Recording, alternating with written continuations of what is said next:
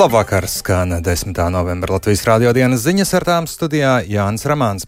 Par ko stāstīsim? Ukraina noposta divus Krievijas desanta kuterus Melnajā jūrā. Bankrota priekšā esošās Rēzeknes atstādinātām bērnuma partija grib panākt drīzu visas domas atlaišanu, bet piena produktiem cenas līdzīgas, karteli konkurences uzraugi neatklāja, bet turpina pētīt citus produktus. Par šiem un citiem tematiem tūlīt plašākā izklāstā.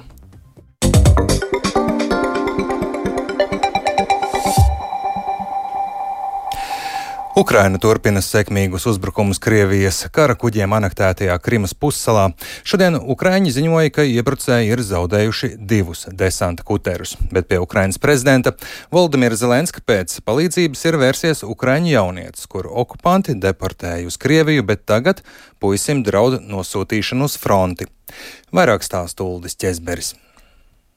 Naktī uz piekdienu Ukrainas spēkiem ir izdevies iznīcināt divus Krievijas ātrgaitas desanta kuterus, kuri atradās Melnajā jūrā netālu no Krīmas krastiem, paziņoja Ukrainas aizsardzības ministrijas galvenā izlūkošanas pārvalde.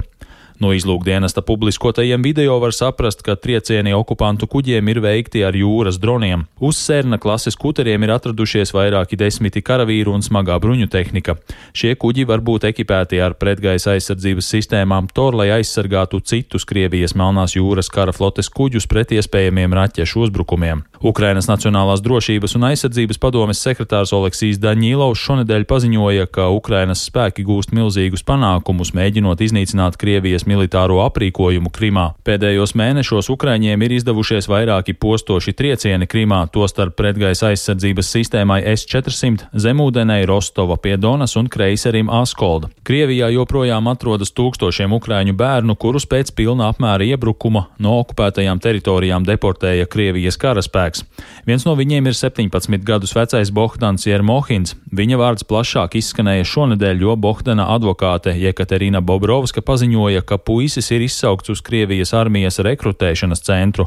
Viņa baidās, ka Bohdanu varētu iesaukt armijā un nosūtīt karot uz dzimto Ukrainu. Bobrovska vakar savā profilā Facebook publicēja Jermohina video, kurā viņš vērsās pēc palīdzības pie Ukrainas prezidenta Volodimira Zelenska. Jā, Bohdan Jermohins, es, Jermohins Bohdans, atrodos Krievijas teritorijā un lūdzu jūs, Vladimir Aleksandrovičs, palīdzēt man atgriezties mājās. Bāreni Bohdan Bogdanu deportēja uz Krieviju pērn pavasarī pēc tam, kad Krievijas karaspēks okupēja iznīcināto Mariupoli. Vēlāk jaunietim bez paša piekrišanas piešķīra Krievijas pilsonību. Šī gada martā puisis mēģināja aizbēgt no Krievijas, taču viņu aizturēja. Advokāte Bobrovska apgalvo, ka šis nebija vienīgais Bogdana mēģinājums atgriezties Ukrainā. Par nevēlēšanos palikt Krievijā viņam piedraudēja ar ievietošanu psihiatriskajā slimnīcā. Ukrainas augstākās rādas pilnvarotais cilvēktiesību jautājumos Bohdans Lubinets šodien paziņoja, ka ir panākta vienošanās par Jermohina drīzu atgriešanos Ukrainā. Uldis Česberis, Latvijas radio. Izraels komunikācijas ministrs Šlamo Karhī vēstulē atsevišķiem rietumu mēdījiem pieprasīs paskaidrojumus par ziņojumiem, ka to žurnālisti esot bijuši kopā ar Hamas teroristiem iebrukuma laikā un pārraidījuši notiekošo tiešraidē. Tādējādi ministrs nosūtītajā vēstulē norāda, ka tie varētu būt iepriekš zinājuši par Hamas 7. oktobra uzbrukumu Izrēlai. Turpinājumā fragments no Karhī vēstules. Rakstu jums ar dziļām bažām par nesenajiem ziņojumiem par jūsu darbinieku iespējamo līdzdalību traģiskajos notikumos Izraēlas dienvidos. Esam uzzinājuši, ka daži jūsu organizācijas darbinieki, tostarp fotogrāfi, iepriekš zināja par šīm šausminošajām darbībām un iespējams bija kontaktējušies ar vainīgajiem. Mēdī apsūdzības noliedz un apgalvo, ka ar gaidāmo uzbrukumu iepriekš nav zinājuši. Arī uzsver, ka šādi izteikumi apdraud žurnālistu drošību Gazas joslā. Turpina Rihards Plūme. Aģentūra AP un telekanāls CNN paziņoja, ka ir pārtraukuši attiecības ar ārštata fotogrāfu Hasanu Eslaju tika atklāts, ka uzbrukuma laikā viņš bija kopā ar Hamas teroristiem. Sociālajos tīklos arī izplatījās fotografija, kurā viņš redzams kopā ar Hamas līderi. CNN savā paziņojumā norādīja, ka uzbrukuma dienā žurnālists nestrādāja telekanālā. Savukārt aģentūra AP norādījusi, ka pirmās fotogrāfijas, kas no attiecīgā žurnālista saņemtas, uzņemtas vairāk nekā stundu pēc uzbrukuma sākuma, un uzbrukuma laikā uz robežas neviens AP darbinieks nav atradies. Tikmēr Gazas joslā un Gazas pilsētā turpinās Izraels sauszemes operācija un aviācijas uzlidojumi. Sagaidāms, ka Izraela katru dienu sāks īstenot četru stundu pārtraukumus militārajās operācijās Gazas ziemeļa apgabalos, lai varētu tur sniegt humāno palīdzību un ļautu civiliedzīvotājiem bēgt.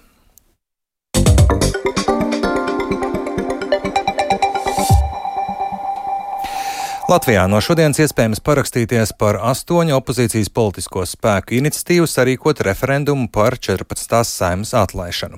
Saimas opozīcijas partija deputāti arī savākuši 34 parlamentāriešu parakstus, lai mēģinātu panākt referendumu ierosināšanu par saimā pieņemtajiem grozījumiem notariāta likumā par partnerības institūtu ieviešanu. Par to, vai esam divu referendumu priekšvakarā, ieraksts sagatavojusi Zane Eniņa. Vai notiks viens vai otrs vai abi referendumi, tagad ir vēlētāju ziņā, jo pagaidām runa ir tikai par parakstu vākšanu par ierosinājumu rīkot referendumu. Tie ir divi atsevišķi procesi, kas sakrīt tikai daļēji. Tā skaidro Centrālās vēlēšana komisijas sekretārs Ritvars Eglājs. Šīs parakstu vākšanas pārklāsies, bet parakstu vākšana par apturēto likumu būs vienu mēnesi, bet parakstu vākšana par saimnes atsaukšanu gadu. Parakstu vākšana jau notiek par ierosinājumu rīkot referendumu par 14. saimnes atlaišanu, ko precīzi gadu pēc šī sasaukuma saimnes darba sākuma inicējušas opozīcijas partijas Latvija pirmajā vietā un stabilitātei, kā arī dažas parlamentā nepārstāvētas partijas. Šī parakstu vākšana ilgs gadu, un, lai varētu tikt sarīkots referendums, jāiegūst desmitās daļas vēlētāju balsis, jeb 155 tūkstoši parakstu. Līdz šim par iniciatīvu parakstījušies vairāk nekā 2,5 tūkstoši cilvēku. Par ierosinājumu rīkot referendumu saistībā ar partnerattiecību regulējumu parakstu vākšanu vēl jāsarīko. To varēs darīt tad, kad valsts prezidents Edgars Rinkēvičs oficiāli būs apturējis likuma grozījumu spēkā stāšanos. Un šī parakstu vākšana ilgs mēnesi. Arī tajā noteiktā robeža ir 155 tūkstoši vēlētāju balsu. Vai par šo jautājumu būs vai nebūs jārīko referendums, uzzināsim pēc diviem mēnešiem. Līdz šim parakstu vākšanās par ierosinājumu rīkot referendumu par sājums atlaišanu nepieciešamais balsu skaits nereizi nav sasniegts. Zana Eniņa, Latvijas radio. Šodien jau otro reizi kvoruma trūkuma dēļ nenotika Rēzeknes domas sēde, jo uz to bija ieradušies tikai 4 no 13 deputātiem. Tādā veidā valdošā partija kopā Latvijai, kuras mēru Aleksandru Bartaševiču atstādināja par pilsētas novešanu bankrota priekšā, cenšas panākt visas domas atbrīvošanu. Turpina Madara Bērtiņa no Latvijas radio studijas Latgalē. Bezatbildīgi rīkojies un apzināti likuma pārkāpis ir atstādinātais domas priekšstādātājs. Mēs šobrīd neesam to konstatējuši konkrēti uz katru pozīcijas deputātu, kurš šobrīd nenāk uz sēdi.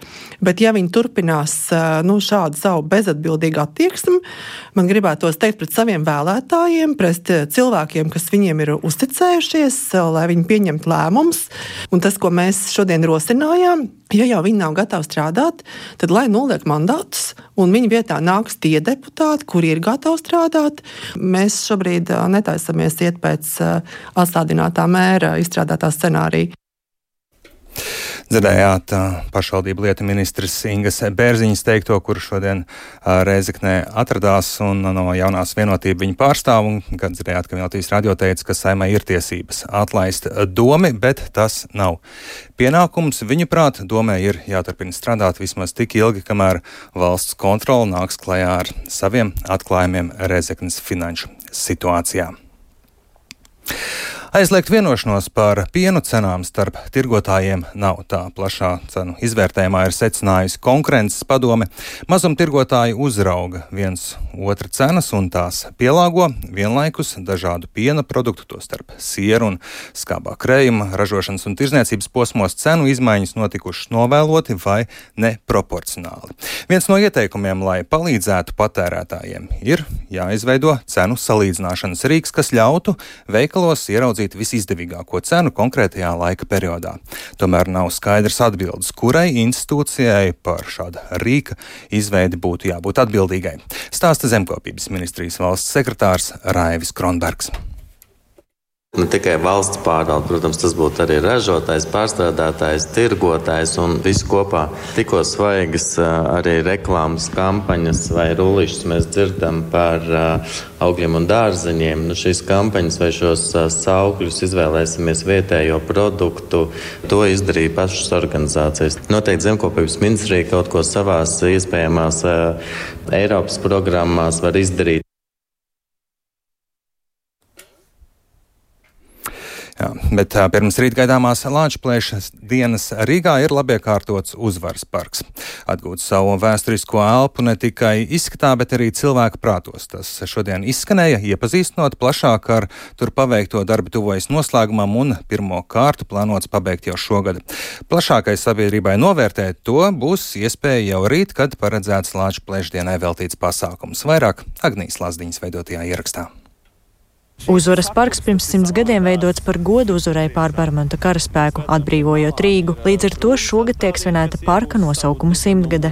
Pērn augustā nojaukts tā sauktais uzvaras piemineklis, pēc kura sācies četru mēnešu ilgs darbs pie parka labiekārtošanas. Parka pirmajā kārtā atjaunota 9 hektāru liela platība, kurā ierīkot ūdens tilpa ar labiekārtotu krastu un izbūvētiem tiltiņiem. Radīts slēpošanas vai skrituļošanas celiņš viena kilometra garumā, kas nekrustojas ar gājēju celiņiem, izveidojot tiltus un tuneļus. Iestādīti 4000 koku, krūmu un augu, tostarp 20 000 sīpolpuķu. Ir darīts viss, lai parku iedzīvotājiem nodrošinātu visa gada garumā. Tā uzsver Rīgas domas īpašuma departamenta direktors Vladimirs Ozoliņš. Līdz šim šeit parkā nav padomāts par bērniem. Tagad par to ir gan smilškastes, gan šūpols, gan arī citas aktivitātes. Šajā parkā būs arī iespēja atpūsties tiem, kuri vēlās aktīvāk, sportiskāk pavadīt savu brīvo laiku. Kā arī senioriem šeit arī būs iespēja mierīgā ceļā pabaudīt apsēsties, paskatīties uz ainaviskiem skatiem, kas iepriekš šeit nekad nav bijuši. Šeit mēs redzam trīs unikālus tuneļus, kas Latvijā parkos principā nav nekur. Lai uzvaras parku padarītu drošu un izvairītos no vandālisma, tajā izvietos gan video novērošanas kameras, gan parku uzraudzīs pašvaldības policija. Kā stāsta uzvaras parka koncepcijas autora Nainava arhitekta Linda Zaļā, parkā nozīmīga vieta vienmēr ir bijusi tā ieeja. Jau pirms 110 gadiem, kad Rīgas parku dārznieks Georgs Kūfals veidoja pirmās parka skices. Tolaik ieeja bijusi pilsētai svarīga vieta dažādu ideoloģisku objektu uzstādīšanai. Tas, ko mēs vēlējāmies radīt šobrīd, ir šo no ideoloģijām brīvu parku. Un tāpēc šobrīd, skatoties uz ieeju, mēs redzam zaļo apvārsni, kurš ir noklāts ar ziedošiem ķiršu kokiem. Uzvaras parka pārveidošana izmaksājusi aptuveni 8,5 miljonus eiro, no kuriem 6 miljoni ir valsts aizdevums, taču pārējais no pašvaldības budžeta. Agnija Lazdiņa, Latvijas radio. Labiekārtošanas darbus pie uzvaras parka otrās kārtas plāno nākamajā gadā, taču, kā jau dzirdējām, pirmā iespēja parku novērtēt plašāk būs rīt. Tad tur notiks Latvijas dienai veltīts pasākums ar koncertu, ugunskuriem, karstajiem dzērieniem un zupas virtuvi.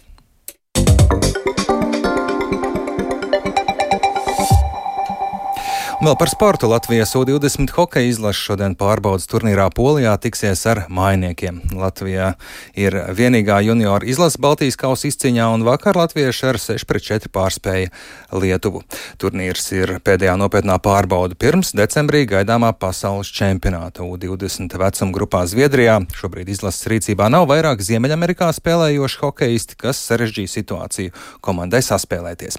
Par turnīru nozīmi Polijā un hokeistiem, kuri šobrīd nav pieejami, stāsta 20 izlases galvenais treneris Artis Ābols. Lai arī tur nav hokeja lielvalsts, tāpat laikā Polija būs, un cik es zinu, tad divi piecinieki būs tādi pamatsastāvi, un divi piecinieki būs gados jaunāki, bet Polija ir A grupas komanda. Pirmā mums sanākšana, nu, neskaitot tur īsu īsas trīs dienas pēc pasaules čempionāta. Tomēr daudz jau to brīdi nebija slidojuši, un tur kaut kāda priekšstats viņiem veikt nebija.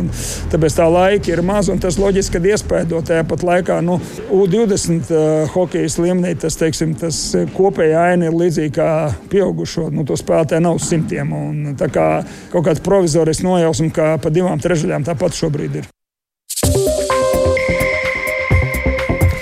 Ar to izskan Latvijas radio dienas ziņas. Producents Edgars Kupčs, ieraksts montēja Renārs Šteimans, par labskaņu rūpējās Rita Karneča, ar jums runāja Jānis Ramāns. Vēl īsi atgādināšu svarīgāko Ukraina noposta divus Krievijas desanta kuterus Melnajā jūrā. Bankrota priekšā esošās Rēzeknes atstādinātā mēra partija grib panākt drīzu visas domas atlaišanu. Piena produktiem cenas līdzīgas, bet karteli konkurences uzraugi neatklāja. Turpina pētīt citus produktus. Yeah.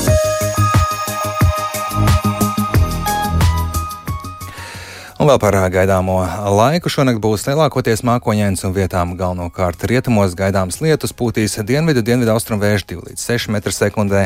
Gaisa temperatūra naktī 3,7 grādi virs nulles. Bet kāds laiks gaidāms turpmāk, stāsta Toms Brīcis. Brīvdienās biežāk līs debesis būs pārsvarā apmākušās, gaidām arī dūmaka un migla, jo pūtīs lēni dienvidu un austrumu vēji. Temperatūra sestdien un svētdien gan naktīs, gan dienās būs 2,9 grādu robežās. Nākamnedēļ temperatūra lēni pazemināsies. Pirmdien un otrdien tā būs plus 1, plus 8 grādi, bet nedēļas otrajā pusē naktīs daudz viet gaidāms neliels sals, tomēr temperatūra diezin vai noslīdēs zemāk par mīnus 2 grādiem. Nokrišņi nākamnedēļ maz, bet brīžiem iespējams neliels sniegs un lietus lietus.